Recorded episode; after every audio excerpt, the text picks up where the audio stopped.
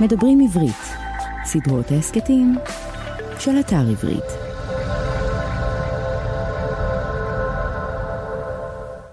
שלום לכולכם, שלום לכולכן. אנחנו הכיפות והשועל, מדף של ספרים ורעיונות לסקרנים ולסקרניות, והיום נדבר עם יובל נוח הררי. הררי כתב חמישה ספרים שיצאו בעברית, קיצור תולדות האנושות, ההיסטוריה של המחר, 21 מחשבות על המאה ה-21, וגם שני רומנים גרפיים שמבוססים על קיצור תולדות האנושות, השני שבהם יצא ממש לאחרונה, תולדות האנושות, היסטוריה מאוירת, חוק וסדר. כאמור, זה הכרך השני מתוך שניים בהיסטוריה המאוירת של יובל נוח הררי המבוססת על קיצור תולדות האנושות. על מה נדבר עם הררי? על שלושה ספרים שהוא בחר, שהם בעצם חמישה, הטרילוגיה התחדשות של פט ברקר, סיפורים על מלחמת העולם הראשונה, Dawn of Everything, ספרם של האנתרופולוג דיוויד גראבר והארכיאולוג דיוויד ווינגרו, וגם על אסף ענברי. על קיבוץ אפיקים, על הקיבוץ בכלל, על הספר הביתה, ודרכו אולי ניגע גם קצת במדינת ישראל. אז תכף נדבר עם הררי, לפני כן רק כמה תזכורות קצרות. בחנויות הספרים נמצא הספר החדש בסדרת הכיפות והשועל, ספרו של פרופסור גדי היימן, פחד, חרטה ומשאלת לב. זה ספר שעוסק בשאלה שאין רלוונטית ממנה בעת הזו, השאלה למה מנהיגים ואומות בוחרים במלחמה.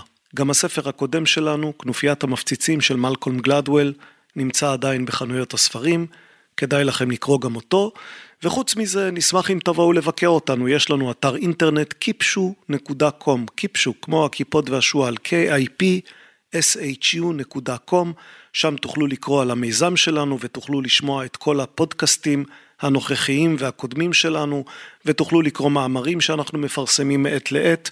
מעניין באתר שלנו, הכיפות והשועל, תוכלו להירשם בו גם לניוזלטר וכך לקבל עדכונים מעת לעת על מה שאנחנו עושים.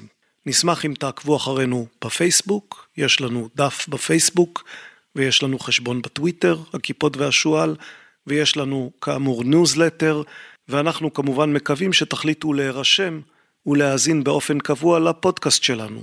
פודקאסט הכיפות והשועל, אנחנו באים לכאן בערך פעם בשבועיים, פעם סולו, כלומר רק אני מדבר, ופעם עם אורח או אורחת. אורחינו הקודמים הם עינת נתן, משה בר סימן טוב ועמית סגל, היום כאמור יובל נוח הררי, ובחודש הבא יהיה כאן מיכה גודמן. מיד עוד פתיחה ואחריו כאמור יובל נוח הררי, על מה נדבר איתו? השיחה תתחיל בשיר ותתגלגל משם.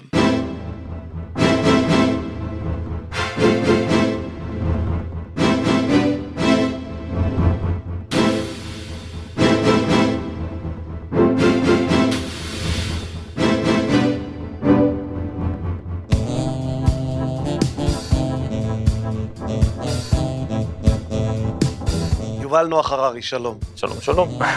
אה, חשבתי להתחיל, אני לא יודע אם זה יהיה לך נוח, אבל בוא ננסה. אוקיי, אה, בוא בוא נראה. נתקלתי לאחרונה בתרגומים נהדרים לשירים של זיגפריד ששון ווילפרד אוהן. Hmm. רוצה להקריא שיר? אה, אוקיי. בוא תנסה. תבחר אחד, תקריא שיר. אלה תרגומים של צור ארליך. אה, השירים הם קצרים, יש שם שניים של אוון ואחד של ששון בסך הכל. אוקיי, אז אה, נקרא את אה, 1914 של ווילפרד אוון. עת מלחמה, על העולם בא חורף, חשכת צלמוות על ראשו תליין. טורנדו עז שמרכזו בברלין, על כל אירופה מהלך סחרחורת, משיג את הקדמה שנים אחורה, את השירה מניס מן הטרקלין. תחילת רעב לרגש, לגלעין, את פרי הלב ירכב עדי תשחורת. יוון הייתה אביב וקיץ רומא, ובימינו סתיו אדיר, אדיר ש- שפה? ברכותו ברכה מחושפה, אך חורף בא לפרוע. זמן לזרוע לקראת אביב זרעים במועדם ולדשן את אדמתם בדם. כן. זה שיר קשה. אה, טוב, אנחנו, אתה הרי יודע למה ביקשתי ממך לקרוא את השיר הזה. אה, החלטנו שתבחר שלושה ספרים, עשית לי תרגיל, בחרת חמישה. זה לא ממש חמישה. כן, חמישה שלא לומר שישה, כי uh, כשנגיע uh, כשנגיע אחר כך ל, אה, להביתה של אסף ענברי, אה, אז התברר שבעצם קראת עוד ספר של אסף ענברי שעוד לא יצא, אז, אז גם עליו רצית לדבר. אז בעצם ביקשתי שלושה, קיבלתי שישה. השלושה הראשונים זה טרילוגיה של פט ברקר, שגם ששון וגם אוהן נמצאים בה, אם כי לא במפורש. כלומר, יש לה גיבור, בילי פריור, שהוא שילוב של שני המשוררים האלה. בוא, בוא תספר על הטרילוגיה הזאת אתה, למה שאני אאריך בזה. אה, כאילו, ההתרחשות על, על פני השטח זה חיילים במלחמת העולם הראשונה, בחזית המערבית, שסובלים מפוסט-טראומה, מה שנקרא אז הלם קרב, ומגיעים לבית חולים פסיכיאטרי בסקוטלנד, ששם מנסים אה, ככה לחבוש את, ה, את הפצעים הנפשיים שלהם ולשלוח אותם בחזרה לחזית.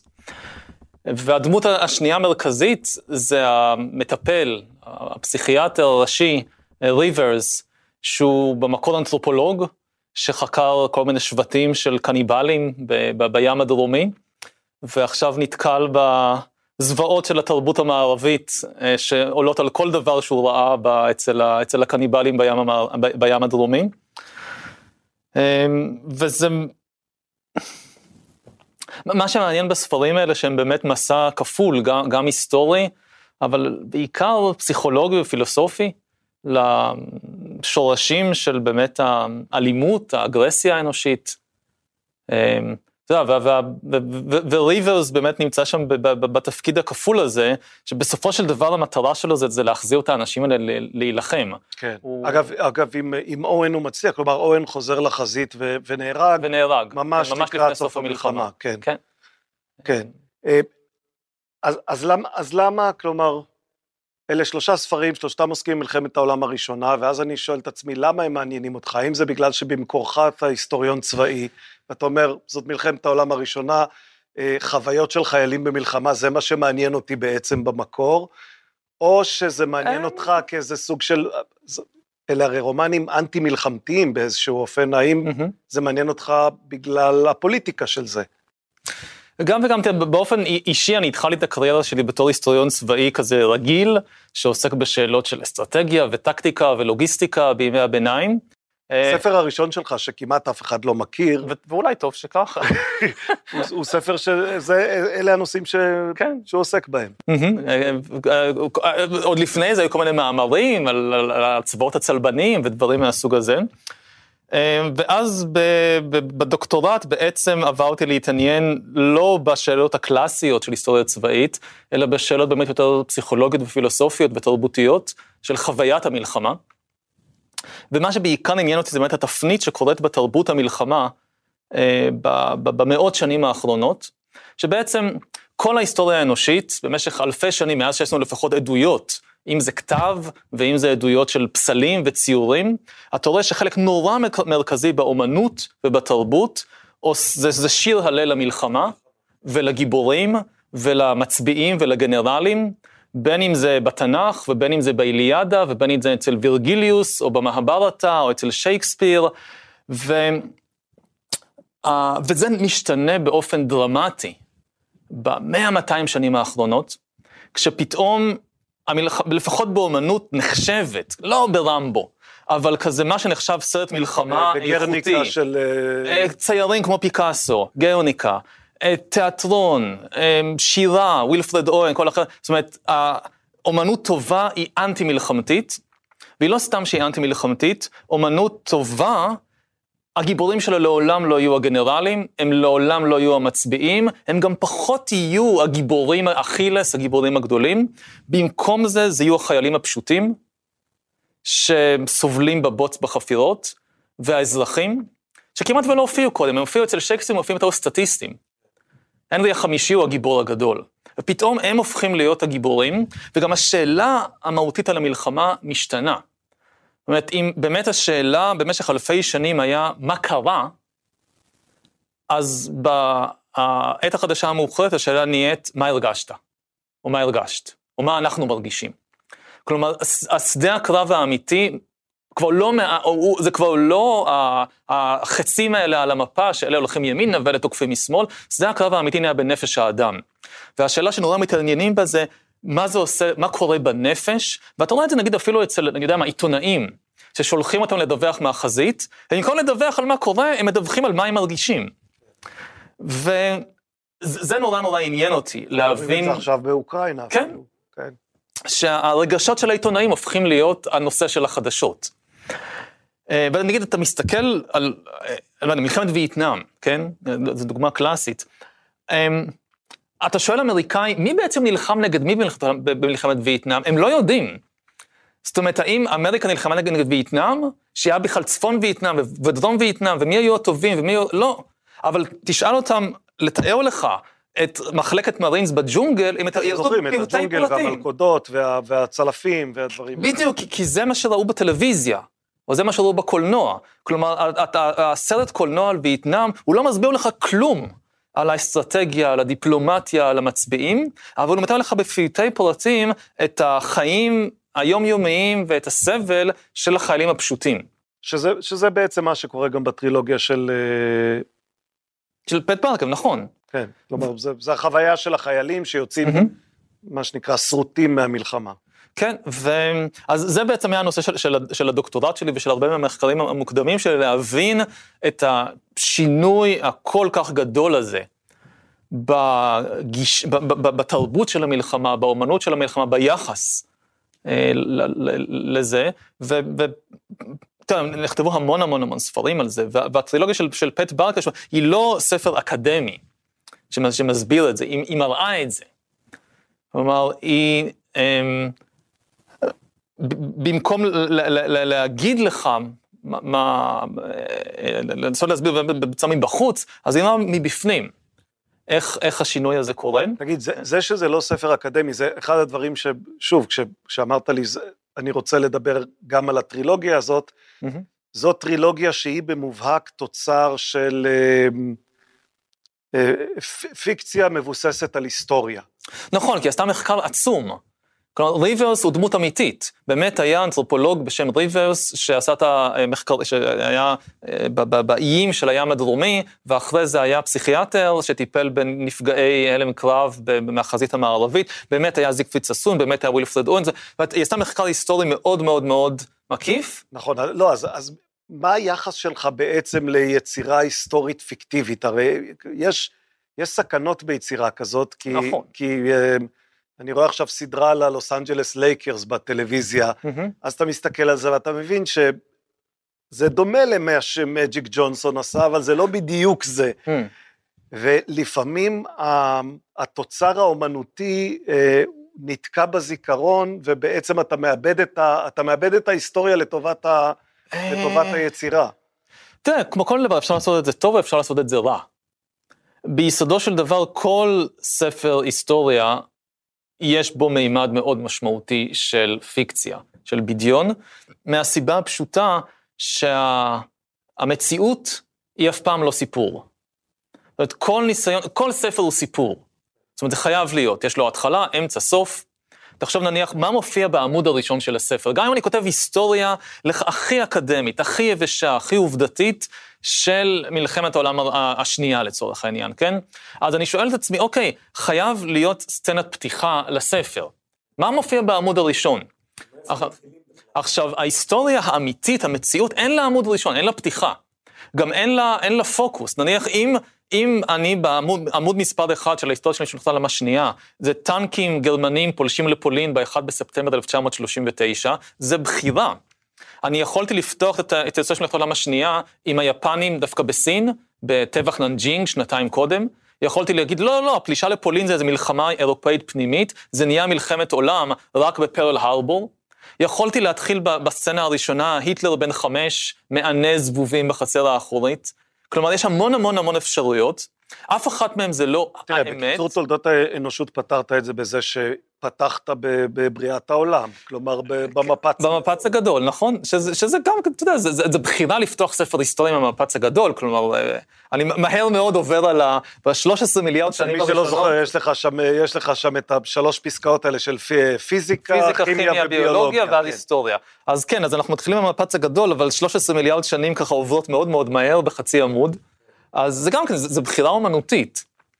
אמ, שיש לה תמיד, לכל בחירה כזאת, יש מסרים.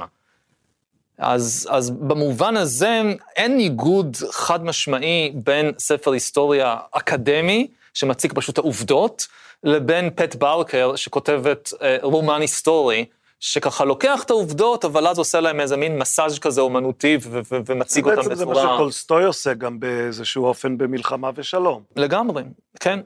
ואז אז אני לא... אה, זאת אומרת, אני, שוב, אני חושב שאפשר לעשות את זה טוב ואפשר לעשות את זה רע. אוקיי, והמסר האנטי-מלחמתי של הטרילוגיה הזאת, מה, איך, איך אתה מבין אותו? מה, מה זה בעצם אומר? מלחמה זה רק כי חיילים סובלים. אוקיי, כלומר, מה... תראה, א', זה שאנחנו אומרים היום באופן כזה בנאלי, זה חידוש היסטורי מדהים. כן, אתה אומר, זה רק ב-200 השנים זה רק האחרונות. 200 ככה. השנים האחרונות. אתה כאילו היית בא לאפיפיור במסע הצלב, ואומר לו, תשמע, מסע הצלב זה דבר רע, אנשים סובלים, אז הוא לא היה מבין על מה אתה מדבר. זאת אומרת, יש ויכוחים בימי הביניים על מסעות הצלב, הם לא מתנהלים במונחים האלה בכלל. כלומר, זה שאנשים סובלים, אז מה, ברור שהם סובלים, החיים הם סבל. אמ, הרעיון ברוב ההיסטוריה, זה שאם לסבל האנושי יש משמעות, אז המלחמה היא דבר טוב. כלומר, אם, אנחנו, אם יש צידוק, אז, אז זה, זה, זה טוב. הרעיון החדש שעולה, עם אנשים כמו וילפרד אוהן, זה שמהו מקור, הסבל הוא עצמו אמ- אמת המידה למשמעות. אם אנשים סובלים, זה רע, זה לא טוב. כלומר, אם אתה ממציא איזשהו סיפור דתי או סיפור לאומי, ובאמצעותו מצדיק סבל אנושי אדיר, זה הדבר הרע. זאת אומרת, זה מה שווילפרד אוהן קורא לו בשיר הכי מפורסם שלו, השקר הגדול. הדולצ'ה דקורום אספור פטרי אמורי. אז, ו, וזה, זה ש... לנו זה היום בנאלי. כי קראנו את זה אצל יהודה עמיחי, וראינו את זה באיזה סרט של וייטנאם, וכאילו, אנחנו מקבלים את זה מכל מקום. אבל מלא אנשים, מלא אומנים, היו צריכים לעבוד 200 שנה. כדי שהרעיון הזה, שהיה משונה ומהפכני בצורה בלתי... מה, למי אכפת מהסבל של חיילים פשוטים? לא לפי זה מודדים מלחמה. שזה יהפוך להיות האמת מידה המקובלת, הבנאלית, הטריוויאלית, זה תוצר של באמת 200 שנה. עכשיו, עכשיו, אוקיי, זה, זה, תוצ- זה תוצר שבאופן טבעי, אה, כאנשים מודרניים, הוא נראה לנו חיובי ונכון, אבל אולי זו בעצם אשליה שהעידן המודרני כופה עלינו. כלומר, אנחנו הונחנו או למדנו לחשוב שהסבל האנושי הוא אמת המידה, ולכאורה נובע מזה, או נובעת מזה המחשבה שמלחמה היא דבר רע ואנחנו צריכים למנוע אותה, כאשר בעולם האמיתי מלחמה היא דבר בלתי נמנע, אי אפשר, אי אפשר לבטל אותה, ולכן כדאי, כמו עם הקורונה, להבין איך לחיות לצידה ולא, ולא לשגות באשליות שנוכל להפסיק אותה. תראה, להפסיק אותה במובן של להפוך אותה לבלתי אפשרית, אז כמובן שלא, היא תמיד נשארת אפשרות. אבל לאורך ההיסטוריה אנחנו רואים ש... תמיד נשארת גם אפשרות שמתממשת, שוב, לא בהכרח. לא זאת אומרת, זה מחשבה מאוד מאוד מסוכנת. כלומר, אם אני חושב שמלחמה היא איזשהו, יש איזה חוק טבע, שמלחמה היא, היא פשוט בלתי נמנעת, היא פורצת מדי פעם, ושרמת האלימות בעולם נשארת פחות או יותר קבועה, אז זה גם בעצם פוטר מאחריות אנשים כמו פוטין, כי מה זה אשמתו של פוטין? זה אשמת הטבע. הטבע אמר שמדי פעם יהיו מלחמות, אז הנה יש עוד אחת, זה, זה, לא- זה, לא, זה פוטר אותו מאחריות. אמ, זה גם בעצם הופך מלחמות ליותר ויותר סבירות. כי אם, אני- שוב, זה איזשהו מעגל של נבואה שמגשימה את עצמה. שאתה מניח כמובן מאליו שמלחמה היא בלתי נמנעת, אתה מתכונן אליה, אתה מעלה תקציבי ביטחון, השכנים שלך גם כן מעלים תקציבי ביטחון, כולם, בטוח, כולם יודעים שהמלחמה הרי תגיע מתישהו, אז הנה, יש לך איזו הזדמנות, זה, יש לנו איזשהו יתרון מסוים, בוא ננצל את זה. לפספס את, את ההזדמנות, הרי ברור שתגיע מלחמה. אז עדיף לנו עכשיו, כשיש לנו איזשהו יתרון מסוים. וזה פשוט לא נכון. כלומר, המחשבה שיש חוק, חוק שימור האלימות בעולם, שיש רמה קבועה של אלימות, שנניח. נניח שהיא לא קבועה, אבל הרי שוב, אתה, אתה אדם שמסתכל על ההיסטוריה במבט מאוד רחב. אתה באמת מניח שיכול להגיע רגע מהמם. שבו יפסיקו המלחמות ולא יהיו יותר? השאלה מה זה לא יהיה, כלומר, עוד פעם, זה, הן תמיד אפשריות. אה, אני חושב שהמחשבה במונחים של שחור ולבן, של לא יהיו יותר בכלל, זה, זה, זה לא, אז עכשיו זה אתה, לא אז עוזר. אתה בשלב צמצום הסכסוך, מה שנקרא. לגמרי, אבל זה, זה, זה, תראה, בעשורים האחרונים הייתה אחת התקופות השלוות ביותר בהיסטוריה האנושית, עם דיבידנדים עצומים לאנושות. כלומר, זה לא עניין, הדיבור על, על, על תקופת השלום, שרובנו חיינו, השלום היחסי, לא מוחלט, אני חי בישראל, אני יודע טוב מאוד שיש מלחמות, לא צריך לספר לי את זה, אבל השלום היחסי שהיה בעולם בעשורים האחרונים, זה לא איזה פנטזיה של משוררים, או של, לא, לא יודע, של פט ברקר ופיקאסו. אתה המקום להסתכל על זה בתקציבים. אתה מסתכל על תקציבי הממשלות בעשורים האחרונים, כל העולם ביחד, הממוצע בעשורים האחרונים זה סביבות 6-7 אחוז מתקציב הממשלה הולך לביטחון, לצבא, לדברים כאלה, שזה פשוט דבר מדהים. כי רוב ההיסטוריה, הסדר גודל היה 40, 50, 70 אחוז אצל כל המלכים והקיסרים אה, מדינות והסולטנים. ומלכים פשטו רגל לעיתים קרובות בגלל הצורך לממן את הצבאות. כן, ושוב, ובאורח קבע. כלומר, גם בזמן שלום, מלך צרפת בימי הביניים, התקציב הכי גדול, רוב התקציב הולך אבל לב- אתה, אתה מניח עכשיו- שזה תהליך היסטורי שמתגלגל קדימה, או שאנחנו באיזה גיהוק, זה תלוי... פרק זמן של 50 שנה או 70 שנה, שאתה אומר, אוקיי, עכשיו אנחנו... זה לא, זה לא גיהוק, כי זה תוצר של החלטות טובות שאנשים קיבלו. אנשים קיבלו החלטות טובות, חלקם, אנשים בנו מוסדות, אנשים אה, אה, יצרו נורמות חדשות, מערכת חדשה של נורמות וערכים וכו'. אנשים מפט ברקר ופיקאסו ועד נשיאים וראשי ממשלה. אז זה לא היה איזה מקרה, איזה גיהוק. עכשיו, זה נשאר, זה, זה, לא, זה לא היה נס, וזה לא היה שינוי בכוחו, בחוקי הטבע. זה היה תוצאה של החלטות טובות של אנשים. אם אנשים יתחילו לקבל החלטות לא טובות, אז אנחנו כמובן נחזור לתקופה של מלחמה, שיכולה להיות הרבה יותר גרועה ממה שחווינו אי פעם, בגלל אמצעי ההרס האדירים שהיום עומדים לרשות האנושות. אז הדרך הנכונה לדעתי להסתכל על העשורים האחרונים, זה לא ממקום של אה, שאננות, אה, זהו, הגענו, הגענו כבר לתקופת השלום, לא יהיו יותר מלחמות, נגמר, אפשר להיות רגועים, אלא דווקא ממקום של אחריות. תראו, אנחנו רואים שאין רמה קבועה של אלימות. אנשים יכולים, אם הם עושים החלטות נכונות ומאמצים, יכולים להוריד את רמת האלימות בעולם. וזה עכשיו אחריות שלנו, להמשיך את זה. ואם רמת האלימות עוד פעם עולה, זה כישלון שלנו. זה לא אשמתו של הטבע, זה לא אשמתו של איזשהו כוח עליון, זה בני אדם התחילו לקבל החלטות גרועות, והתחילו בעצם להרוס את הנורמות, את המוסדות, את מערכות החוקים, שהצליחו לשמור על השלום לתקופה מסוימת. עכשיו שוב, העשורים האלה זה לא שלום מוחלט, כמובן, אבל זה מאוד חשוב כי זה מראה שזה אפשרי. אתה יודע, אם, מי, ש, מי שבא ואומר, לא, לא, לא באמת היה שלום, היו מלחמות באפריקה, היו מלחמות, הוא בעצם מרפא ידיים, כי אם אתה אומר, אם כל המאמצים, נניח, של העשורים האחרונים לא הצליחו לשנות בכלום את רמת האלימות בעולם, אז כנראה שזה באמת אבוד. כנראה שזה באמת בלתי אפשרי, וחבל על המאמץ. אבל כשאתה מסתכל ואתה רואה, לא, בוא נסתכל על תקציבי ביטחון, בוא נסתכל על מספרי הרוגים, ואתה רואה, יש ירידה דרמטית. וזה נגיד מה שמאפשר לבנות מערכות חינוך ובריאות, הכסף שלו הלך לטנקים ב-40 שנים האחרונות, הלך, הלך לבריאות. וה, והמסר מזה, אז צריך לגלות אחריות, צריך לשמר את הדברים שאפשרו לזה לקרות. אגב, כשאתה מדבר על הדברים האלה, כמה זה, איפה זה מציב אותך על התפר שבין היסטוריון שכותב על, לבין אקטיביסט שרואה לעצמו משימה לשכנע אנשים לקבל החלטות טובות? אני חושב שזה, שזה הולך ביחד, אני, אני, בוא נגיד לך, אף אחד לא, האנשים בעבר מתו, הם לא צריכים, אני לא צריכים שאני אכתוב עליהם.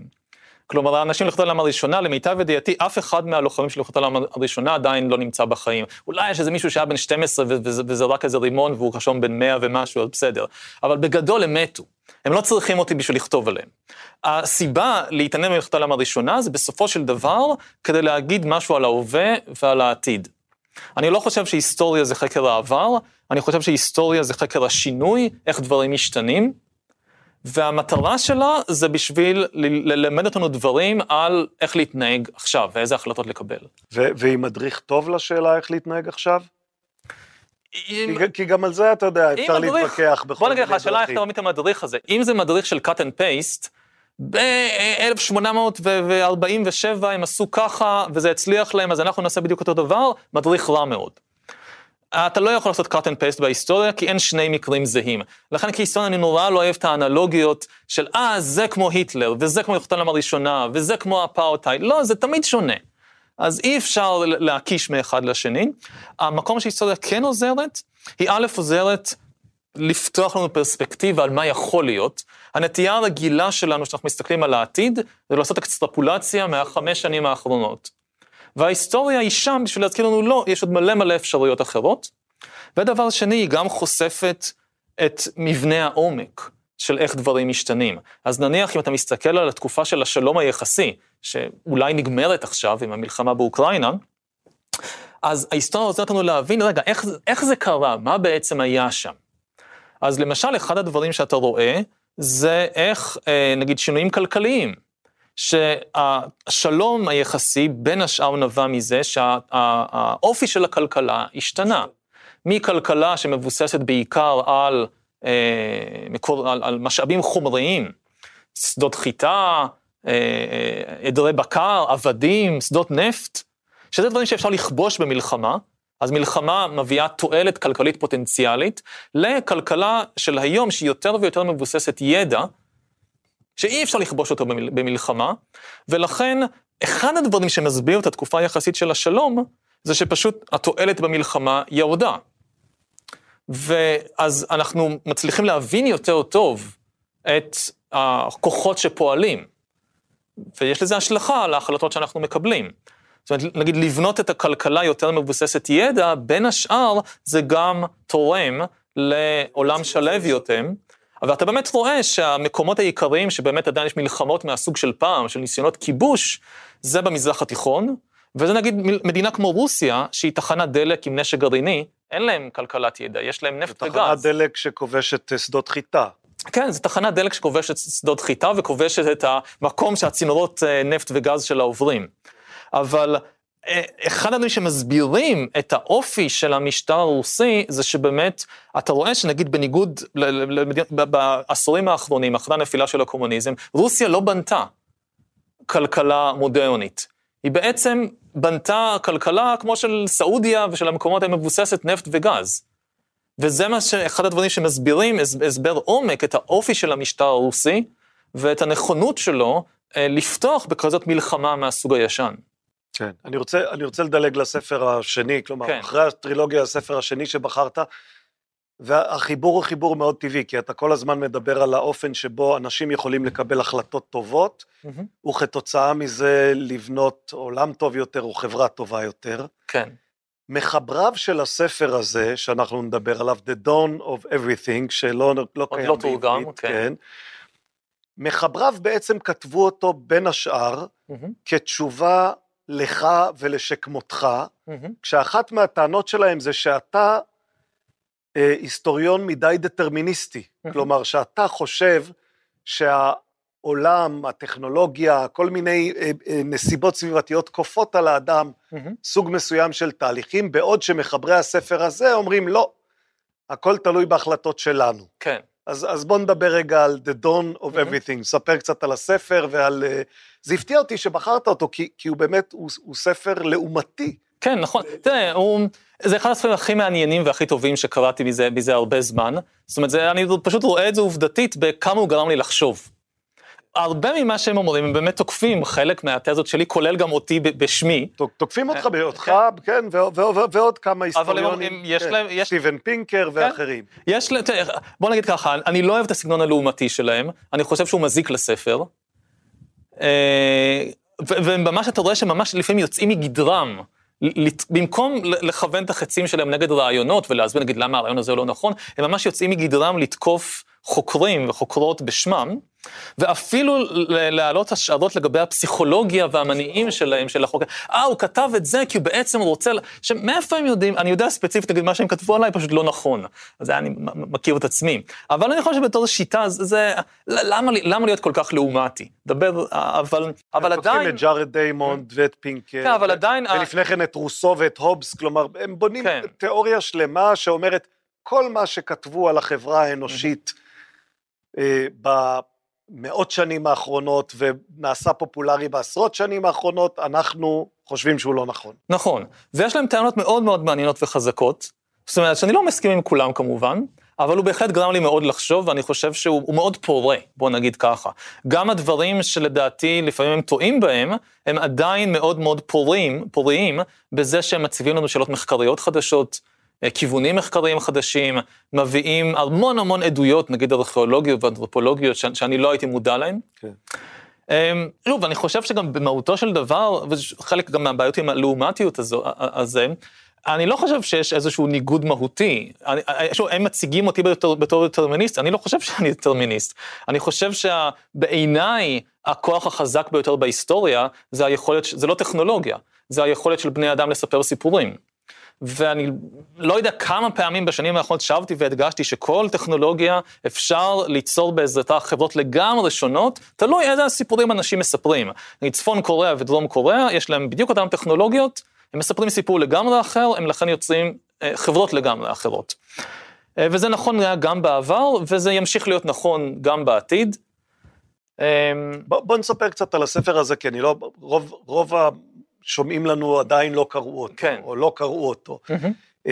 זה ספר שעיקר המחלוקת שהוא מייצר מול מי שקדם לו, בכלל נוגע לחברת הציידים לקטים של mm-hmm. של העבר הקדום יחסית. כן. של בני האדם. אז בוא, ת, תאר לי איך אתה מבין את המחלוקת, או מה הם טוענים. איך אני... שונה. אז אני אגיד מה אני מאוד מסכים איתם, מה הם שכנעו אותי לחלוטין, כן. ומה אני פחות מסכים איתם. תזה אחת מרכזית, זה שהם באים ואומרים, אנשים נטו להציג חברות של לקטים ציידים בתור חברות מאוד שוויוניות וחופשיות, וזה לא נכון. אנחנו, יש לנו עכשיו שפע של עדויות אנתרופולוגיות וארכיאולוגיות לכך שהיו היררכיות, היה ניצול, היו אפילו מקרים של עבדות, גם בחברות של לקטים ציידים. כלומר, הם לא היו החברות האידיליות שמצטיירות מחלק מהתיאורים שלהם. נכון. אה, שוב, הם עושים לזה אקסטרפולציה לתקופת ה... לתקופה הפלאוליטית, לתקופת האבן, שזה אני חושב הם על קרקע הרבה, פח... הרבה יותר רעועה. הרבה מהטיעונים הכי חזקים שלהם מבוססים נגיד על תצפיות, על לקטים ציידים אה, באמריקה, לפני 500 ו-600 שנה עם ההגעה של האירופאים. כן. אה, ו... ולא בטוח שהן נכונות לאלפי שנים אחורה. וחסר להם האקדח המעשן, נגיד, הם, הם, הם, הם טוענים למשל לקיום של אה, אה, מבנים פוליטיים הרבה יותר מורכבים אצל לקטים ציידים, גם לפני 30-40 אלף שנה. אני לא מכיר אף אתר ארכיאולוגי.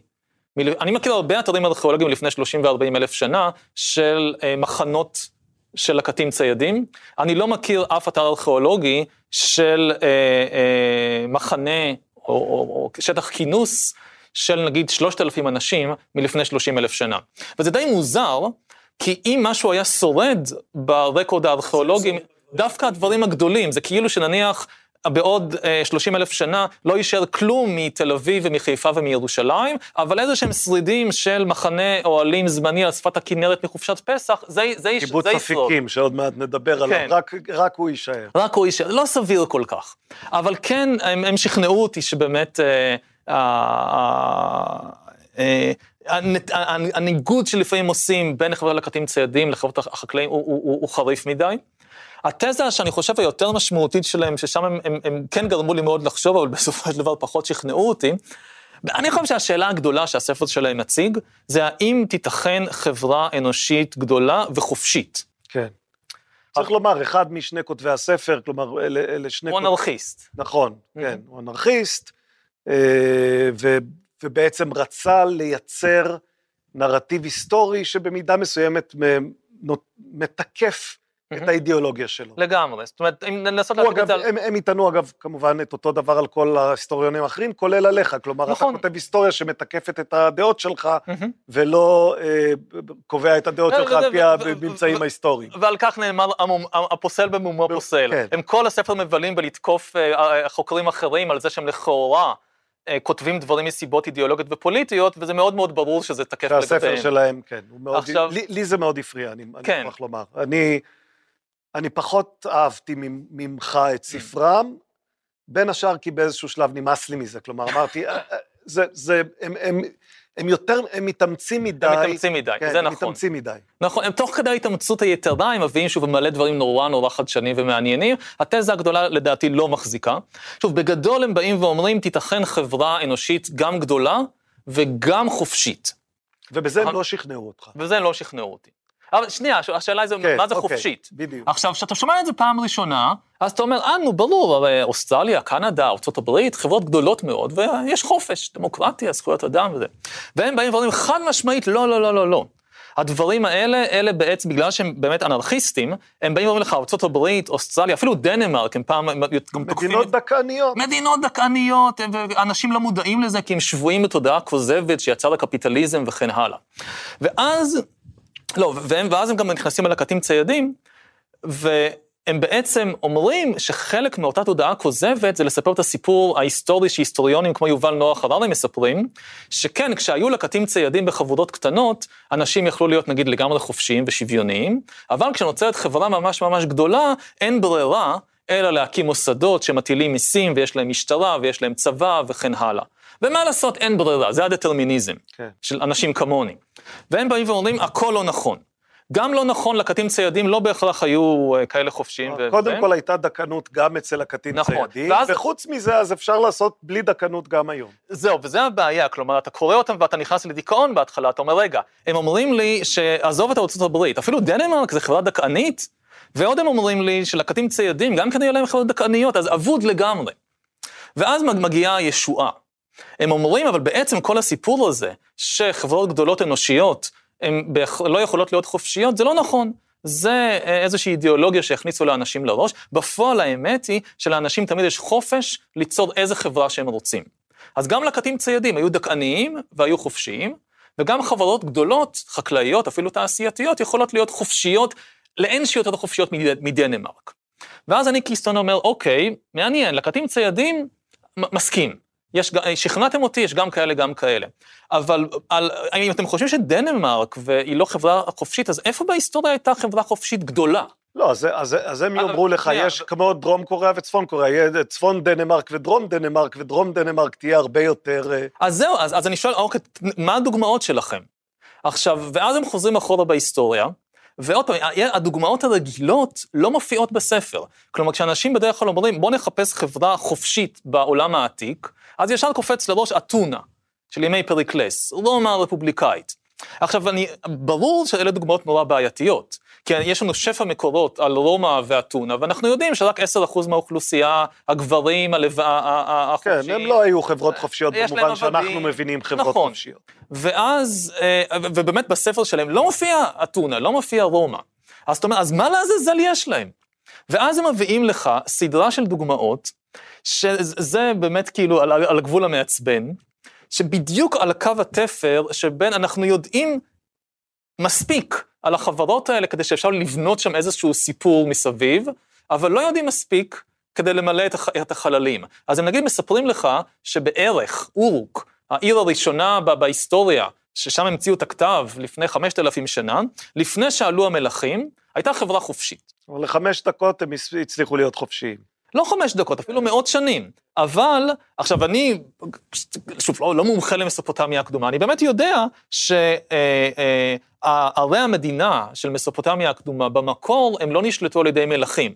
אלא באמת, מ- מעט עדויות שיש לנו עושה רושם של חברות שיש בהן איזה שהן אספות, איזה שהן מועצות של, של, של מנהיגים, של זקנים. עכשיו, אבל אין לך, את. אין לך מספיק עדויות כדי למלא את הפרטים. אבל הרושם זה שהם, עם אתונה, הרי, אה, אספות עם יש גם ברומא, הרי סנאט יש גם ברומא, ועדיין, בטח לשיטתם של מחברי הספר, רומא היא לא חברה חופשית. עכשיו, מאורוק הקדומה, מערך הקדומה, אז יש לנו פה ושם איזה עדויות, כאילו די, די מעורפלות, שכן, גם שם היו איזה שהם אספות עם. אבל אז הם קופצים על זה כמוצאי שלל רב, הנה חברה חופשית לחלוטין. תראה, הרי, הרי גם עיר כזאת, בסוף מישהו צריך להחליט איפה עובר רחוב ואיפה, ואיפה בונים לא, בית. אז הם, אז, אז אם יוצאים לך פנטזיה אנרכיסטית, שבעצם בערך הקדומה, לפני עלייתם של המלכים, הייתה, היה אנרכיזם מתפקד, שלא היה מיסים ולא היה אה, שלטון מרכזי, אלא כל מה שהיו צריכים להחליט, אז זה היה כזה אה, אה, ועדי שכונה מקומיים שאיכשהו תיאמו את הכל. האמת, יכול להיות. אין לנו אבל שום עדויות כדי לבסס את זה או להפריך את זה. המקומות שיש לנו הרבה עדויות, כמו ברומא, זה חד משמעית לא עובד ככה. עכשיו אותו דבר, אתה מסתכל נניח, הדוגמה שהם הכי הכי הכי חוזרים אליה, זה עיר במה שהיום מקסיקו, תאוטיוואקן, ששוב, יש לנו מספיק עדויות כדי לבנות סיפור מעניין על המקום הזה, אבל זה, אה, אתה יודע, זה כמו שמסתכלים בשמיים בכוכבים, ואחד רואה שם... סיפור עם מים יותר חורים מ... כן, הרבה מאוד חורים, והם, את המעט מידע שיש, הורגים ביחד לסיפור על חברה אנרכיסטית נפלאה, נגיד הם מתבססים על עדויות ארכיאולוגיות של הרבה, תקופה שיש באמת הרבה בונים, הרבה מאוד בניינים שלפי שטנץ, כדי לטעון שהיו פרויקטים של בינוי לשיכון ציבורי בתאוטיוואקן לפני אלף ומשהו שנה. עכשיו, יכול להיות, האמת יכול להיות, אבל אפילו אם נזרום איתם, היה שם שיכון ציבורי, גם בברית המועצות היה שיכון ציבורי. זאת אומרת, זה לא מספיק... זה לא הופך לחברה לחברה כן. לא דק... גם בדנמרק יש, יש, יש שיכון ציבורי, ואתם עדיין חושבים שדנמרק היא חברה דקענית. אז זה, זה המקום, התזה הגדולה, באמת הרגשתי ש, ש, שהם הם, הם, הם מתאמצים מדי וזה, וזה לא עובד, אבל על הדרך פשוט למדתי כל כך הרבה ש... כן, הם מספרים הרבה מאוד סיפורים מעניינים, אבל אוקיי, אבל בחרת את הספר הזה כאחד משלושה שאתה רוצה לדבר עליהם, ועכשיו אני שואל, האם האם זה ספר שמביא תועלת או גורם לי יותר נזק? הרי הוא ספר די מצליח, יקראו אותו המון אנשים. כן. והתמונה שהם מקבלים על העולם היא תמונה משונה קצת. אמ, כן, שוב, זה, זה, זה תמיד שאלה, אמ, אם זה גורם יותר נזק או תועלת. זה שאלה איך קוראים את הספר. כלומר, זה ספר שאתה רוצה שיקראו אותו מיליוני בני אדם, או שאתה אומר, זה ספר שאני רוצה שיקראו אותו 200 מומחים שיבינו גם מה הבעיות בספר הזה, ומוטב שהציבור הרחב לא יקרא אותו. זו שאלה טובה. אמ, בוא נגיד ככה, אם קוראים אותו בצורה לא ביקורתית, זה באמת ספר בעייתי. שלדעתי באמת יוצר עיוותים בהבנה שלנו את ההיסטוריה. אם קוראים אותו עם עין ביקורתית, הוא ספר מעולה. אה, אז האם הוא מומלץ או לא, זה, זה באמת, אתה יודע, זה נכון לכל הספרים. כן, אפשר להגיד גם על התנ"ך את אותו דבר. אה, ספר מעולה, אם קוראים אותו בעין ביקורתית. אתה אמרת, מה שנקרא. כן, זה... עליך יתנפלו אם תגיד את זה, אבל עליי אולי יתנפלו קצת פחות. אז נשאיר לך להגיד את זה. כן. אבל כן, זה בהחלט ככה ל... בוא נראה, הרבה פעמים ככל שספר מצליח יותר, אז, אז הסכנה שבאמת פשוט, גם לגבי הספרים שלי, אתה יודע, אני בדרך כלל מקווה שאנשים יקראו את זה עם איזושהי עין ביקורתית, זאת אומרת שלא פשוט... אה, בגלל שכתוב על זה, אז זה בהכרח נכון. אגב, גם עליך הרבה מבקרים, הרבה, כן, mm-hmm. לא מעט מבקרים, בארץ אני חושב יותר מאשר בחו"ל, אמ, התלוננו שיש לך אידיאולוגיה שמניעה את הניתוח ההיסטורי שלך. כלומר, האשימו אותך בניסיונות אה, לשטוף את מוחם של הקוראים, אני אומר את זה בצורה בוטה. זה, מפ... זה, זה מפריע לך? זה מעצבן אותך? תראה, כל הספר, אה, אה, בן אדם מביא את עצמו לספרים שהוא כותב. אני חושב שהקו הגבול העיקרי עובר בין השאלות שאתה שואל לתשובות שאתה נותן. אני חושב שאין דרך אובייקטיבית להחליט איזה שאלות לשאול. כשאני מחליט, נניח, בקיצור דורת האנושות, אה, לייחד חלק גדול מהפרק על, על המהפכה החקלאית לסבל של בעלי חיים, שבעצם אני מעלה את השאלה, מה זה עשה לבעלי חיים, זאת בחירה אידיאולוגית. כלומר, אין דרך מדעית להוכיח, אתה חייבים להעלות את השאלה. אז לא, אפשר לשאול, אפשר לא לשאול. וזה לגמרי לגיטימי. זה אגב של... עשית, אני, אני עכשיו פתאום חושב על זה, זה עשית בגלל שנתקלת בשינוי שעבר על תרבות המלחמה כאשר התחילו לעסוק בסבל של החיילים? זה גם, לא, לא חשבתי על זה בצורה כל כך ישירה, אבל... גם כן, אני לא, אבל, אבל, כן, אבל זה, מכיוון זה... שדיברנו על זה לפני רגע, זה, לג, רגע, זה בעצם, משם זה בא. במידה רבה כן. ואני חושב שזה לגמרי לגיטימי, זאת אומרת, אתה כותב היסטוריה של מלחמה, ואז בא מישהו שואל, ושואל, רגע, מה חוו החיילים הפשוטים? זאת שאלה לגיטימית לחלוטין, שהיא שאלה מונעת אידיאולוגיה. כלומר, אבל כל שאלה מונעת אידיאולוגיה, שבאים ושואלים, רגע, ומה זה עשה ליהודים? רגע, ומה זה עשה לנשים? זה תמיד, למה דווקא את השאלה הזאת? למה לא, מה, מה, מה זה עשה לאפריקאים? זה תמיד מונע אידיאולוגית. המקום המסוכן זה שאתה מתחיל לספק את התשובות. שאם יש ממצאים שבעצם מעלים אה, אה, אה, משהו שלא נוח לך אידיאולוגית, ואז אתה מעוות את זה. אז נניח שעולה השאלה, רגע, ומה אכלו לקטים ציידים לפני המהפכה החקלאית? ונגיד אידיאולוגית היה אולי נוח למישהו ש... ש... הם רק לקטו דובדבנים. הם רק לקטו דובדבנים. ואז אתה מסתכל על העדויות, ואתה רואה, לא, בשר היה מרכיב מרכזי בתזונה של רוב האנשים, לא כולם, אבל של רוב האנשים לפני המהפכה החקלאית, וגם מילא תפקיד גד... חשוב באבולוציה של האדם, בהתפתחות של המוח וכן הלאה. אז אולי לא נוח לי אידיאולוגית אה, לקבל את זה, אבל זה העדויות, אז זה מה שאני... צריך. אם אני הייתי מסלף את התשובה, זה כבר בעייתי. ואני חושב שזה נכון לכל דבר, שהיום באים ונגיד שואלים שאלות על מגדר, אז גם אם זה מונע אידיאולוגית, ברור שזה מונע אידיאולוגית, הכל מונע אידיאולוגית, אבל התשובות, אסור שהן יהיו מונעות אידיאולוגיות. שוב, אם, אם אתה רוצה לטעון שלא לא יודע, שלפני אי פעם בעבר היו חברות מטריארכליות, ואז קרה משהו והכל התחרבש ונהיה חברות פטריארכליות, ואין לך את העדויות, אז תביא הוכחה. ואם אין לך הוכחה, אז גם אם אתה רוצה שזה יהיה המצב, אתה לא יכול לכתוב את זה. כן. בוא נעבור לספר השלישי.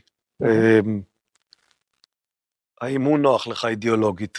הביתה של אסף ענברי. כן. זה, זה, זה, קודם כל, שוב, זו בחירה קצת אה, שהפתיעה אותי, א', בגלל התדמית שלך כאדם שמה שמעניין אותו זה רק אה, האוניברסלי ולא, ולא לא המקומי. המקומי. כן, גם בזה, נוטים להאשים אותך בזה, שמעניין אותך רק האוניברסלי ולא המקומי, ופתאום אתה בא לקיבוץ.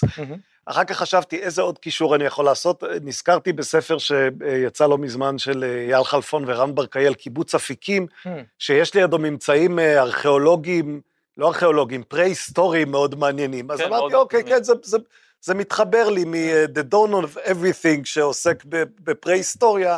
מתחבר באופן ישיר לקיבוץ אפיקים, אבל, אבל הספר עוסק בקיבוץ ולא בממצאים. לגמרי. אולי כן. זה מופיע שם באיזה אזכור קצר. כן, לא... כן. אז למ, למה הקיבוץ מעניין אותך, או למה הספר הזה מעניין אותך? תראה, א', הוא כתוב בצורה נפלאה. זאת אומרת, זה גם ספר באמת שמצליח, השפה עצמה מעבירה לך את, ה, את, את הנושא של הספר. הוא ספר מאוד יבש אגב, זה... קצר, יבש, לקוני כמעט. הוא, הוא, הוא כתוב בשפה פשוט קיבוצניקית, הוא מעביר לך את הרוח, את הערכים, את דרך השפה, והוא, ואני לפחות פשוט לא יכולתי להוריד אותו מהיד. כל פעם הייתי מגיע לק... לסוף של הפרק, ורק מציץ בהתחלה, רק נראה איך מתחיל הפרק הבא. ונסחף לפרק הבא. ונסחף לפרק הבא. וכתוב פשוט ממש ממש יפה, וגם, לא, ויש בזה משהו נורא נורא אוניברסלי, זאת אומרת, הקיבוץ, הוא, הוא, הוא, היה בו, המהות שלו זה באמת אידיאל אוניברסלי. זאת אומרת, כשאתה מסתכל באמת על ההיסטוריה של הציונות, ואתה, אה, שיש תנועה לאומית לוקאלית, ועדיין יש לה כל הזמן אספירציות של להיות אור, אור לגויים, ושיהיה במימד האוניברסלי, והמקום שבו זה הכי הכי הכי ברור, זה הקיבוץ. זה, זה באמת בקיבוץ. אתה יודע, זה לא, אין הרבה, לא יודע, מתנדבים שוודים שבאים להתנדב בהתנח, בהתנחלויות היום. כן. אבל בשנות ה-60 וה-70, כל המי ומי באו... כי גם בהתנחלויות יש אספירציה שהיא אספירציה... אוניברסלית? ש... כן, אני מה, חושב שכן. איזה ערך אוניברסלי יש בהתנחלויות? אני, אני חושב שהאספירציה היא אספירציה של, כלומר, במהותה יש את...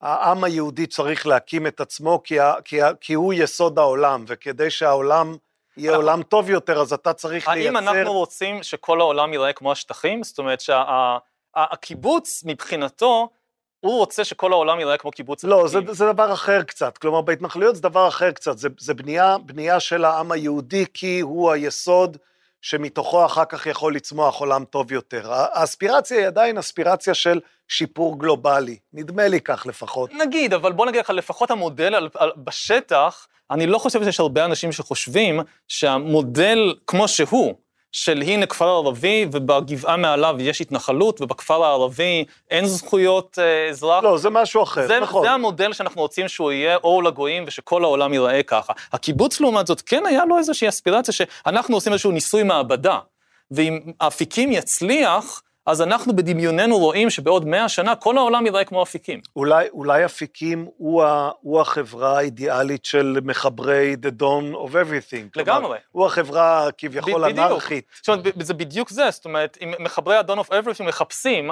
את המודל... דנמרק, uh, דנמרק, דנמרק לא, מה לא, כן אפיקים. אז, אז זהו, אז, אז הם לא הולכים לאפיקים, הולכים לטאוטיוואקה, הם מחפשים כן. איפשהו בעבר. באו המייסדים של אפיקים, ואומרים, עולם חדש, אה, נקימה. זאת אומרת, אין לנו אם אין את המודל בשום מקום, אז אנחנו נייצר את המודל. וזה באמת, אתה יודע, גם אחרי אל, אלפי שנים ש, שיהודים בעיקר מתמחים בלהתבונן בפופיק של עצמם וזה, אז אנשים באים ואומרים, עזבו אתכם מכל זה, צריך אה, ידיים, צריך לתפוס פטישים, מסורים, לא להגות הגיגים, לבנות. זאת אומרת, משהו מאוד מאוד מאוד אקטיבי, זאת אומרת, שאנחנו פשוט נבנה את החברה האידיאלית שאנחנו לא מצליחים למצוא בשום מקום. כן. והספר הזה נותן בעצם בתקציר, בתקציר מאוד מכווץ, הוא נותן גם את, ה, את המעבר הזה בעצם בין שלושה שלבים. דור המייסדים שהוא דור החולמים, שתיארת עכשיו. כן. דור הבנים שהוא פשוט דור של אומללים, mm-hmm. ש, שנושא על כתפיו את החלום, אבל, אבל כבר נאלץ להתמודד עם שברו, ואז יש את דור הנכדים שהוא פשוט הדור שבורח ועוזב. כן. זה, זה בלתי נמנע? כלומר, זה, זה סופו של כל בלון? לא בהכרח. זאת אומרת, אה, בוא, בוא נגיד ככה, אה, אה, לקיבוץ כן היו הישגים אדירים.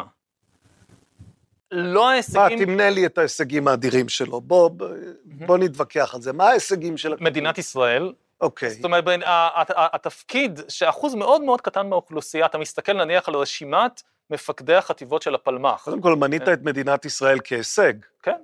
אוקיי. שוב, אתה יכול להתווכח, זה יותר טוב, זה יותר טוב, אבל כשאתה חושב על, ה, באמת פשוט על המפעל ההיסטורי של אסופה של, של פליטים נרדפים, אה, להקים מדינה במצב כזה, זה, אתה יכול עוד פעם להתווכח, היא יותר טובה, היא פחות טובה, אבל בתור מפעל זה מפעל מצליח בצורה בלתי רגילה. לא, אני לא מתווכח יותר טובה, פחות טובה, אני, אני, אני שואל האם יובל הפוסט-לאומי רואה את המפעל הלאומי כהישג. אני לא חושב שאני פוסט-לאומי. אוקיי. זאת אומרת, אני הרבה פעמים אומר... מאשימים אותך שאתה פוסט-לאומי. מאשימים אותי כל כך הרבה דברים הפוכים, שאני לא... הטענה שלי לגבי הלאומיות, הלאומיות היא דבר נפלא אם מבינים אותו כמו שצריך. כן. אם אתה מבין לאומיות בתור שנאת זרים ושנאת מיעוטים, זה דבר איום ונורא.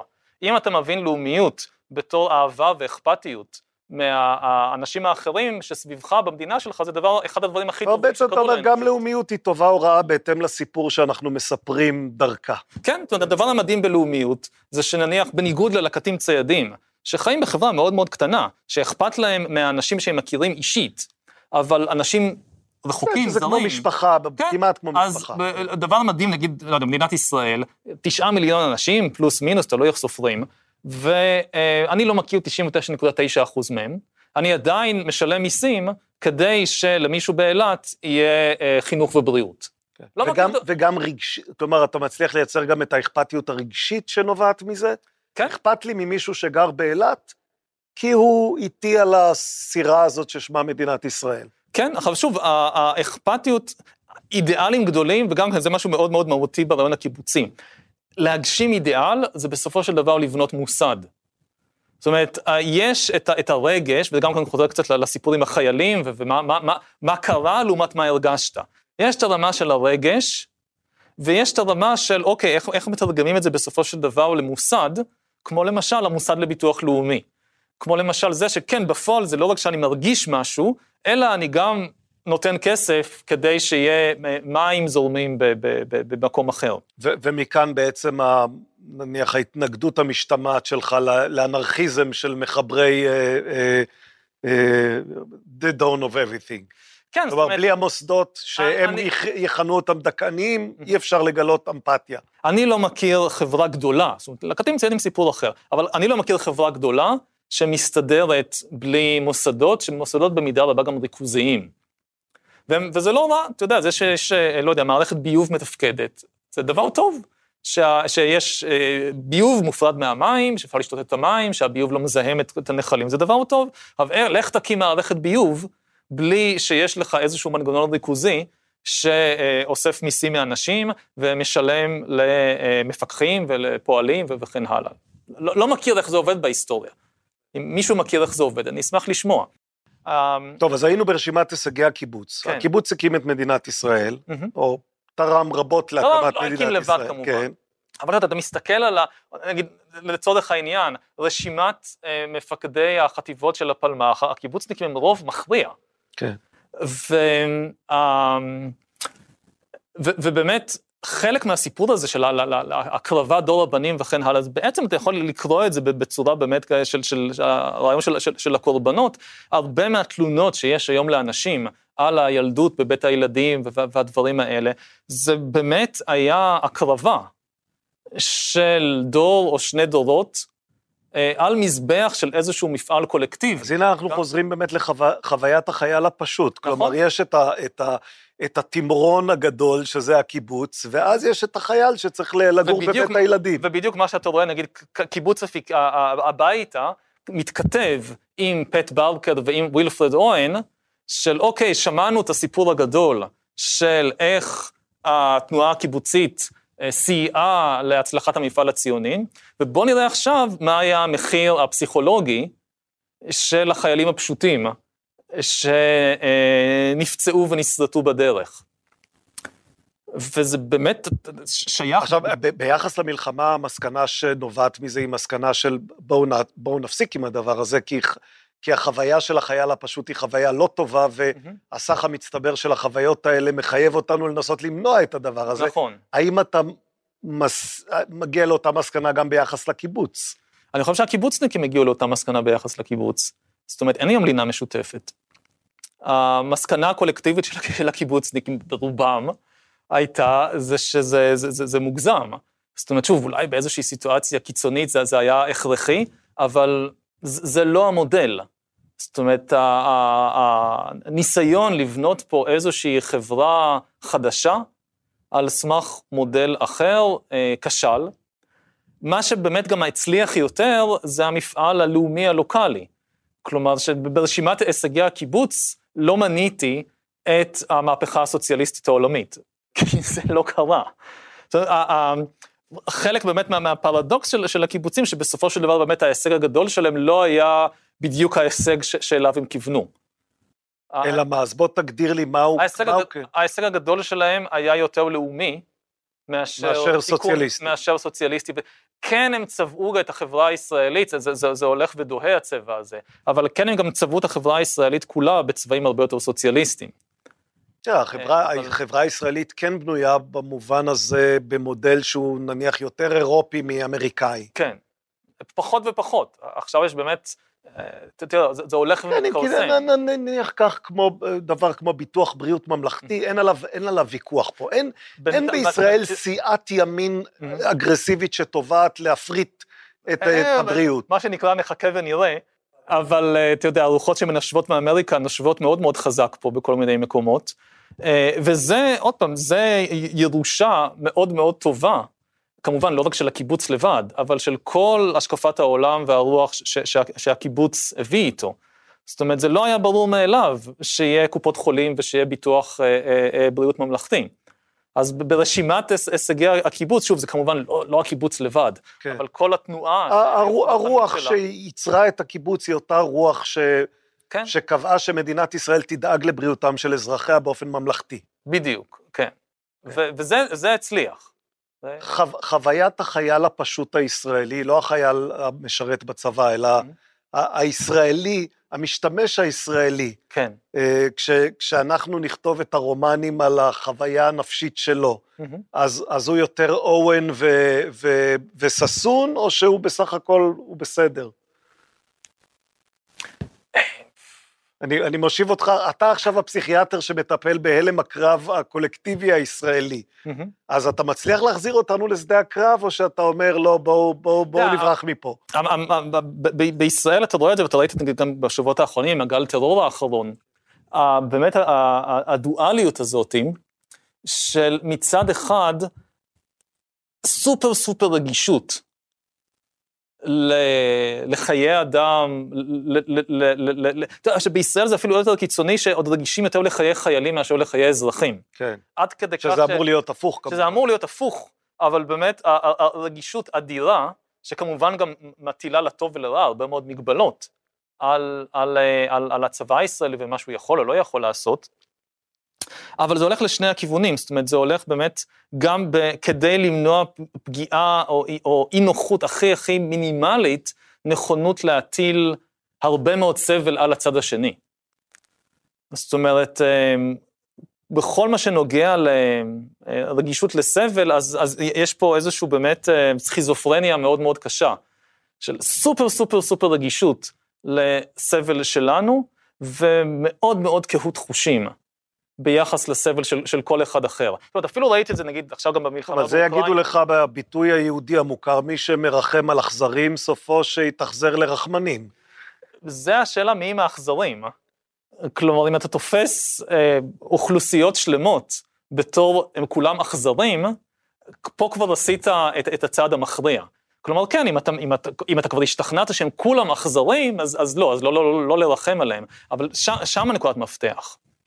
ועוד פעם, נגיד, ראיתי את זה עכשיו במלחמה באוקראינה, שכשהתחילו להיות קולות של לתמוך באוקראינה, והם אנשים, כן, אבל הם אצל חמלניצקי הם עשו ככה וככה. כן. כלומר, לפני מאות שנים שול, שולפים את הדבר הזה, ובשם ההזדהות עם הסבל שלנו, או של אבות אבותינו ואימות אימותינו, מאוד מקשים את הלב.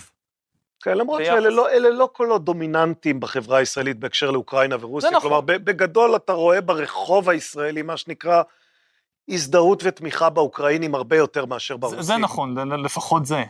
כן, נת, נתנחם בזה. נתנחם בזה, כן. כן. אה. אנחנו, אנחנו מתחילים להתקרב לסוף, אז, אז אני, אני אשאל, מה מעניין אותך עכשיו? כתבת, אני, אני, אני אעשה סיכום של אה, אה, קיצור תולדות... כן. אה, יובל נוח הררי. כתבת ספר ראשון, אני אתאר את השמות שלהם בעברית, למרות שהם כן. יצאו בשמות אחרים בשפות אחרות. אז כתבת את קיצור תולדות האנושות, וממנו נבע במידה רבה הספר השני, אה, אה, ההיסטוריה של המחר. והספר השלישי היה בעצם אסופה, מחשבות, 21 מחשבות על המאה ה-21, שהיה בעצם אסופה של כל מיני דברים. יותר על ההווה. כן, על ההווה. Mm-hmm. ואחר כך באו שני ספרים שהם רומנים גרפיים, mm-hmm. שהם גם תוצר, תוצר של קיצור תולדות האנושות, כלומר בואו נכתוב מחדש את קיצור תולדות האנושות, אבל אה, בצורה קצת אחרת, אה, מאוד מעניינת לטעמי, אבל mm-hmm. קצת אחרת. אבל אתה, אתה בעצם נמצא באותה זירה. כן. כבר, לא יודע, כמה זה, עשר שנים? Mm-hmm. אז מה מעניין אותך עכשיו? מה הזירה הבאה? זו זירה מאוד מאוד מאוד רחבה, יש שם עוד כן. הרבה. א', אני כרגע גם עובד, הפרויקט העיקרי זה על ספר ילדים, שגם כן, שוב, שגם הוא באותה זירה, כן. הוא מספר מחדש את ההיסטוריה של האנושות, אבל לילדים בני תשע, עשר, בצורה באמת מאוד שונה, מאשר רומן הגרפי או מאשר קיצור האנושות. מתי אה, תתחיל להשתעמם ולעבור למשהו אחר? עוד פעם, השאלה מה זה משהו אחר, אם, אם, כל ההיסטוריה האנושית היא, היא כבר לא, זה, זה, זה משעמם, אז אני מסתכל על, על, בוא נגיד שני דברים, זאת אומרת, דבר אחד שאני מתעניין בו הרבה בשנים האחרונות, ואולי יצא ממנו בסופו של דבר ספר חדש, זה באמת באופן ספציפי לעסוק יותר בלהבין לעומק מידע. בתור, אם אתה מסתכל היום על איך המדע מבין את המציאות, מה זה המציאות? אז מה שמאפיין את התקופה שלנו זה שהמושג של מידע נהיה מושג המפתח ביותר ויותר תחומים, לא רק ממחשבים ותקשורת, אלא עד פיזיקה כן. ועד ביולוגיה, שבעצם כל העולם הוא מערכת אחת גדולה של זרימת מידע. כן, אני מתעניין עכשיו בפיזיקה, יחס, כלומר, קורא יחסית הרבה על פיזיקה, ויש תיאורים אפילו של, של, של נגיד מכניקה קוונטית, כן. או, או, או, או אפילו, אפילו של מולקולות בגז, או אטומים בגז, שכבר הולכים לכיוון של, זה בעצם הכל מידע, זה הכל נכון. אינפורמציה. כן, להבין את כל התופעות בעולם, מאטומים, דרך בני אדם, ואז לכלכלה וליקום, בתור פשוט זרימת מידע. אז זה דבר שאני מאוד, שאני מאוד מתעניין בו, ואולי בסופו של דבר אה, יצא מזה... כמה אגב בכלל אתה מתעניין במדע ברמת, ה, ברמת הנוסחאות? נוסחאות זה לא אני. זאת אומרת, אני, ברמה הזאת, דיברנו על מוסדות לא, לא, לא מעט, המדע הוא, הוא מוסד, הוא לא בני, הוא לא אה, בני אדם אינדיבידואליים. אמ, הרוב המכריע של מה שאני יודע, אני יודע כי קראתי את זה במאמרים וספרים של מדענים אחרים, שאני לא מכיר אותם אישית, אני סומך עליהם כי אני מבין איך המוסד פועל, איך, איך מתפרסם או לא מתפרסם מאמר בכתב עת מדעי.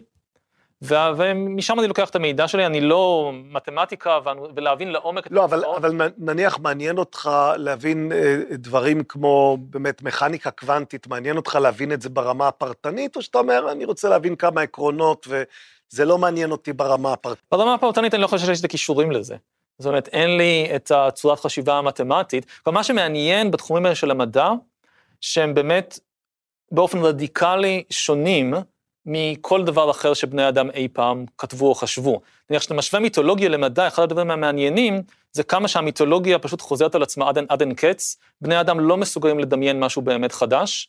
לעומת... סיפורים מולבשים עם גיבורים קצת אחרים. כן, אתה חושב, נגיד, אתה מסתכל על הסיפורים, מה יקרה בגן עדן וגיהנום, מה יקרה כשיבוא המשיח, מה יקרה כשיגיע קץ הימים, אתה מקבל את אותם, אותם דמויות שאנחנו מכירים מהחיי יומיום שלנו. המבול, המבול כן. שחוזר בכל מיני מיתולוגיות כאלה ואחרות. אבל ברמה יותר מהותית של מה קורה בעולם, יש טובים ויש רעים ויש את השטן ויש את אלוהים, וכאילו, זה מאוד מאוד חסר דמיון.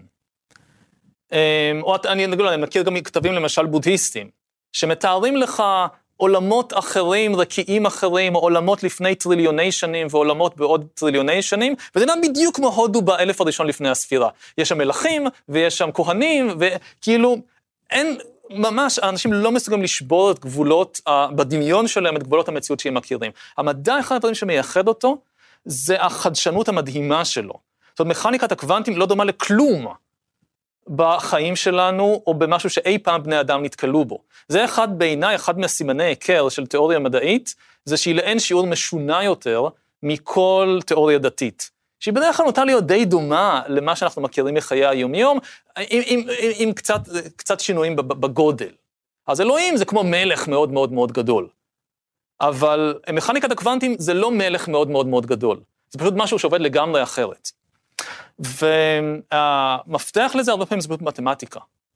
זאת אומרת, ההיגיון שם הוא בכלל לא היגיון שהמוח האנושי... מסוגל, מסוגל להכיל אותו. לה, להכיל אותו. כן. עולם מספר... בעשרה ממדים. כן, מה זה כן, אומר? לא, לא, יודע. לא יודע איך לצייר את זה. אה, אז, אז אה, אני יותר מתעניין באמת בהשלכות החברתיות, התרבותיות, הפוליטיות ש, של הדברים האלה. אז אינפורמציה, כלומר מידע, אתה אומר, מעניין אותך... בתור מושג מפתח, של להבין את הדינמיקה של, של, של, של זרימת המידע ועד כמה המודל, מה זה בעצם אומר לאמץ מודל כזה, להבין את המציאות. כבר נגיד עוד משהו, אם נגיד להסתכל על, על ההיסטוריה שלי בתור מחבר, בתור הוגן, זאת אומרת, עד הפרסום של, כולל הפרסום של uh, ההיסטוריה של המחר, התפיסה הבסיסית שלי הייתה ש...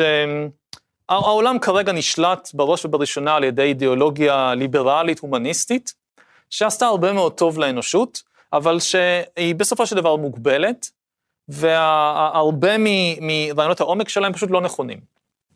וזה הולך ומתגלה, ואנחנו כדי... היו שחשבו שה, שהפרקים האחרונים של ההיסטוריה של המחר הם בעצם מאוד פסימיים. לא יודע אם זה פסימיים, אבל שמעניין אותי לראות מה, מה יש הלאה. כלומר, בואו נחשוף את, את, את הטעויות הבסיסיות שנגיד ההומניזם הליברלי סוחב מתפיסות מיושנות של המאה ה-18, ונלך לדבר הבא.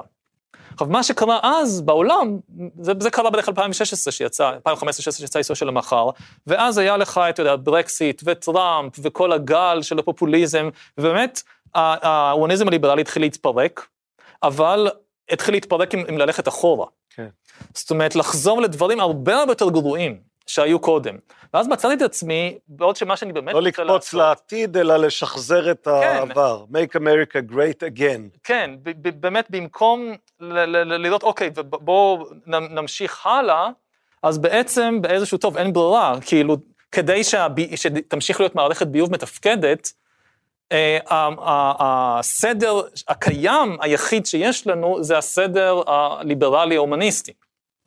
עכשיו, אחד הדברים הטובים בו זה שהוא גם מאפשר לך לפקפק בו ולחשוב על דברים הלאה. אבל בו זמנית הוא דואג שהביוב, ש, שמערכת הביוב תתפקד. בעצם, והנה... בעצם מה שאתה אומר, אני, היית קצת פזיז מדי בלחשוב שאנחנו עוד רגע בעתיד, ופתאום הבנת שלא, אנחנו... עוד, לא עוד, לא, עוד לא הגיע הזמן לחשוב על זה, אני, יותר חשוב לי לחשוב על איך לשמר את, את, את המעט שיש.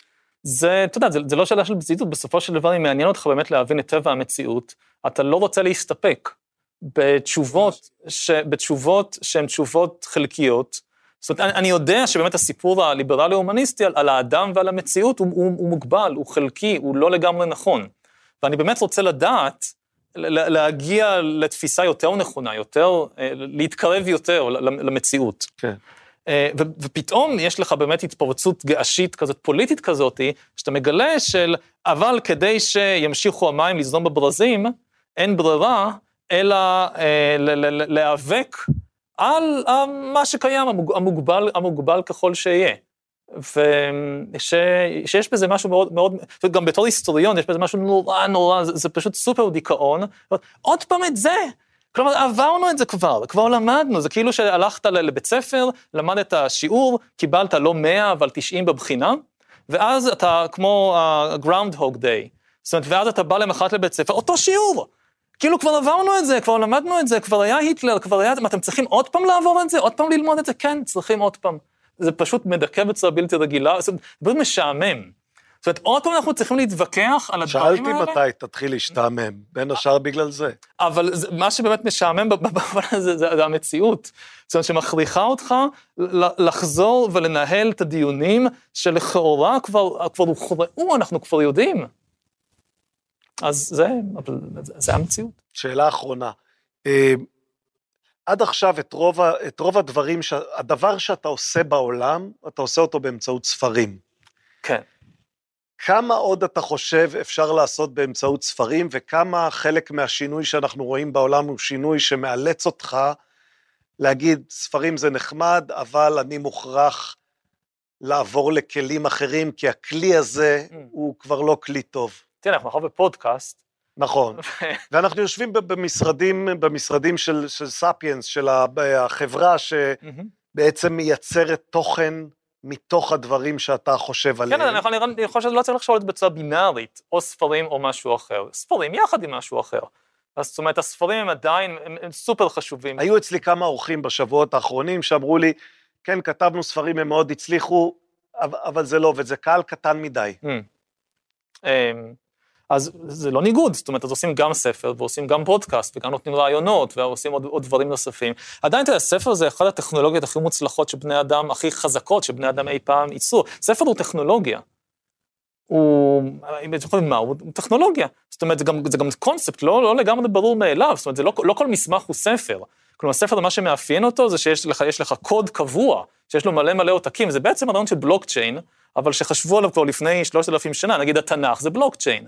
זאת אומרת, הרעיון של, אה, יהיה לי מלא מלא מלא מלא עותקים, של אותו בלוק של טקסט, ואז כל אחד לא צריך איזושהי סמכות מרכזית, כל אחד יכול לקחת ולהשוות. אתה אומר ככה, רגע, הנה, יש לי פה עותק, בוא נבדוק מה, באמת כתוב.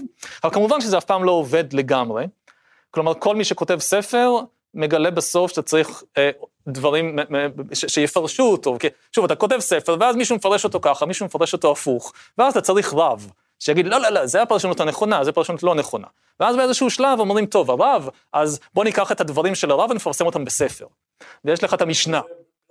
ואז זה, זה הבלוק החדש בצ'יין. יופי, עכשיו לא יתווכחו יותר לפרשנות של התנ"ך, יש משנה, כבר החליטו מה הפרשנות הנכונה. תוך שלושה ימים מתחילים להתווכח על הפרשנות של המשנה. וזה אף פעם לא נגמר. כן. אז צריך את הספר וצריך את, ה, את, את, את, את הדברים שמסביבו. כן. וכמה כמה מהפרשנים שלך אתה אה, מסוגל לחיות עם הפרשנות שלהם? כמה אתה נאלץ לפרשן את עצמך כדי שפרשנויות אחרות לא ישתלטו על הרעיונות? אה, זה, זה, זה משימה בלתי אפשרית, זאת אומרת, ברגע שהוא שם, יש איזו אמרה בלטינית של לספרים יש גודלות משלהם. זאת אומרת, ברגע שכתבת אותו ופרסמת אותו, הוא כבר יצא מהשליטה שלך, ואנשים מתחילים לפרש אותו ולעשות איתו דברים שהם לפעמים הפוכים למה שאתה רצית להגיד. אתה יודע, אני מסתובב בעולם ומזהיר מפני הסכנות של אה, השתמשו בטכנולוגיות חדשות לעקוב אחרי אנשים ולשלוט בהם, ואני עכשיו נתקל באנשים שחושבים שאני תומך בזה. ושאני בעצם מסתובב בעולם ומנסה לייעץ לממשלות או משהו כזה, איך, איך לעקוב אחרי אנשים. עכשיו אני אומר, כמה אפשר, לא משנה כמה פעמים אמרתי, הזהרתי אנשים מפני זה, איכשהו אנשים מצליחים לסובב את זה שלא, אני בעצם תומך בזה. ואתה מבין שבאיזשהו שלב באמת, ברגע שאתה פרסמת את זה וזה במרחב הציבורי, זה מחוץ לשליטתך. וכל ניסיון להגיד, לא, התכוונתי לזה, אז ייקחו את הפרשנות שלך, וגם לה ייתנו איזושהי פרשנות. זה, זה גורם לך לחשוב יותר מפעם או עשר פעמים לפני שאתה מוציא משהו לאוויר, כי אתה יודע שאיבדת שליטה? כן, זה, זה, זה, זה, זה גורם לחשוב, אבל מצד שני לא, זאת אומרת, אני, אני, זה המצב, זה תמיד היה ככה. כלומר, הפנטזיה שאני פעם אחת אכתוב את הדברים כמו שצריך, ואנשים יבינו ולא יוכלו לפרש אותי אחרת, אין דבר כזה. אתה, אתה מוכן לצאת למרחב הציבורי עם ספר או עם פודקאסט, אתה לוקח על עצמך את, ב, ב, בידיעה ברורה, שיהיו אנשים שיפרשו את הדברים שלך בצורה מאוד שונה ממה שאתה חשבת והתכוונת, וזה חלק מהדיל. יובל נוח הררי, תודה. תודה לך.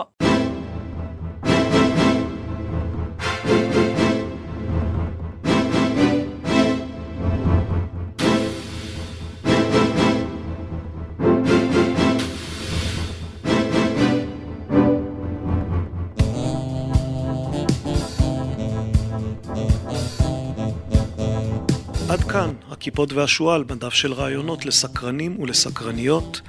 תודה ליובל נוח הררי שהתארח אצלנו.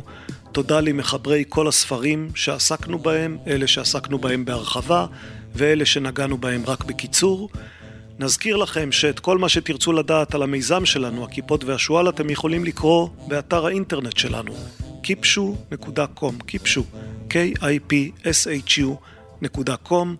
יש לנו גם דף בפייסבוק שנשמח אם תעקבו אחריו, ויש לנו חשבון בטוויטר שנשמח אם תעקבו אחריו, את כל אלה תמצאו כמובן אם תקלידו פשוט הקיפוד והשועל.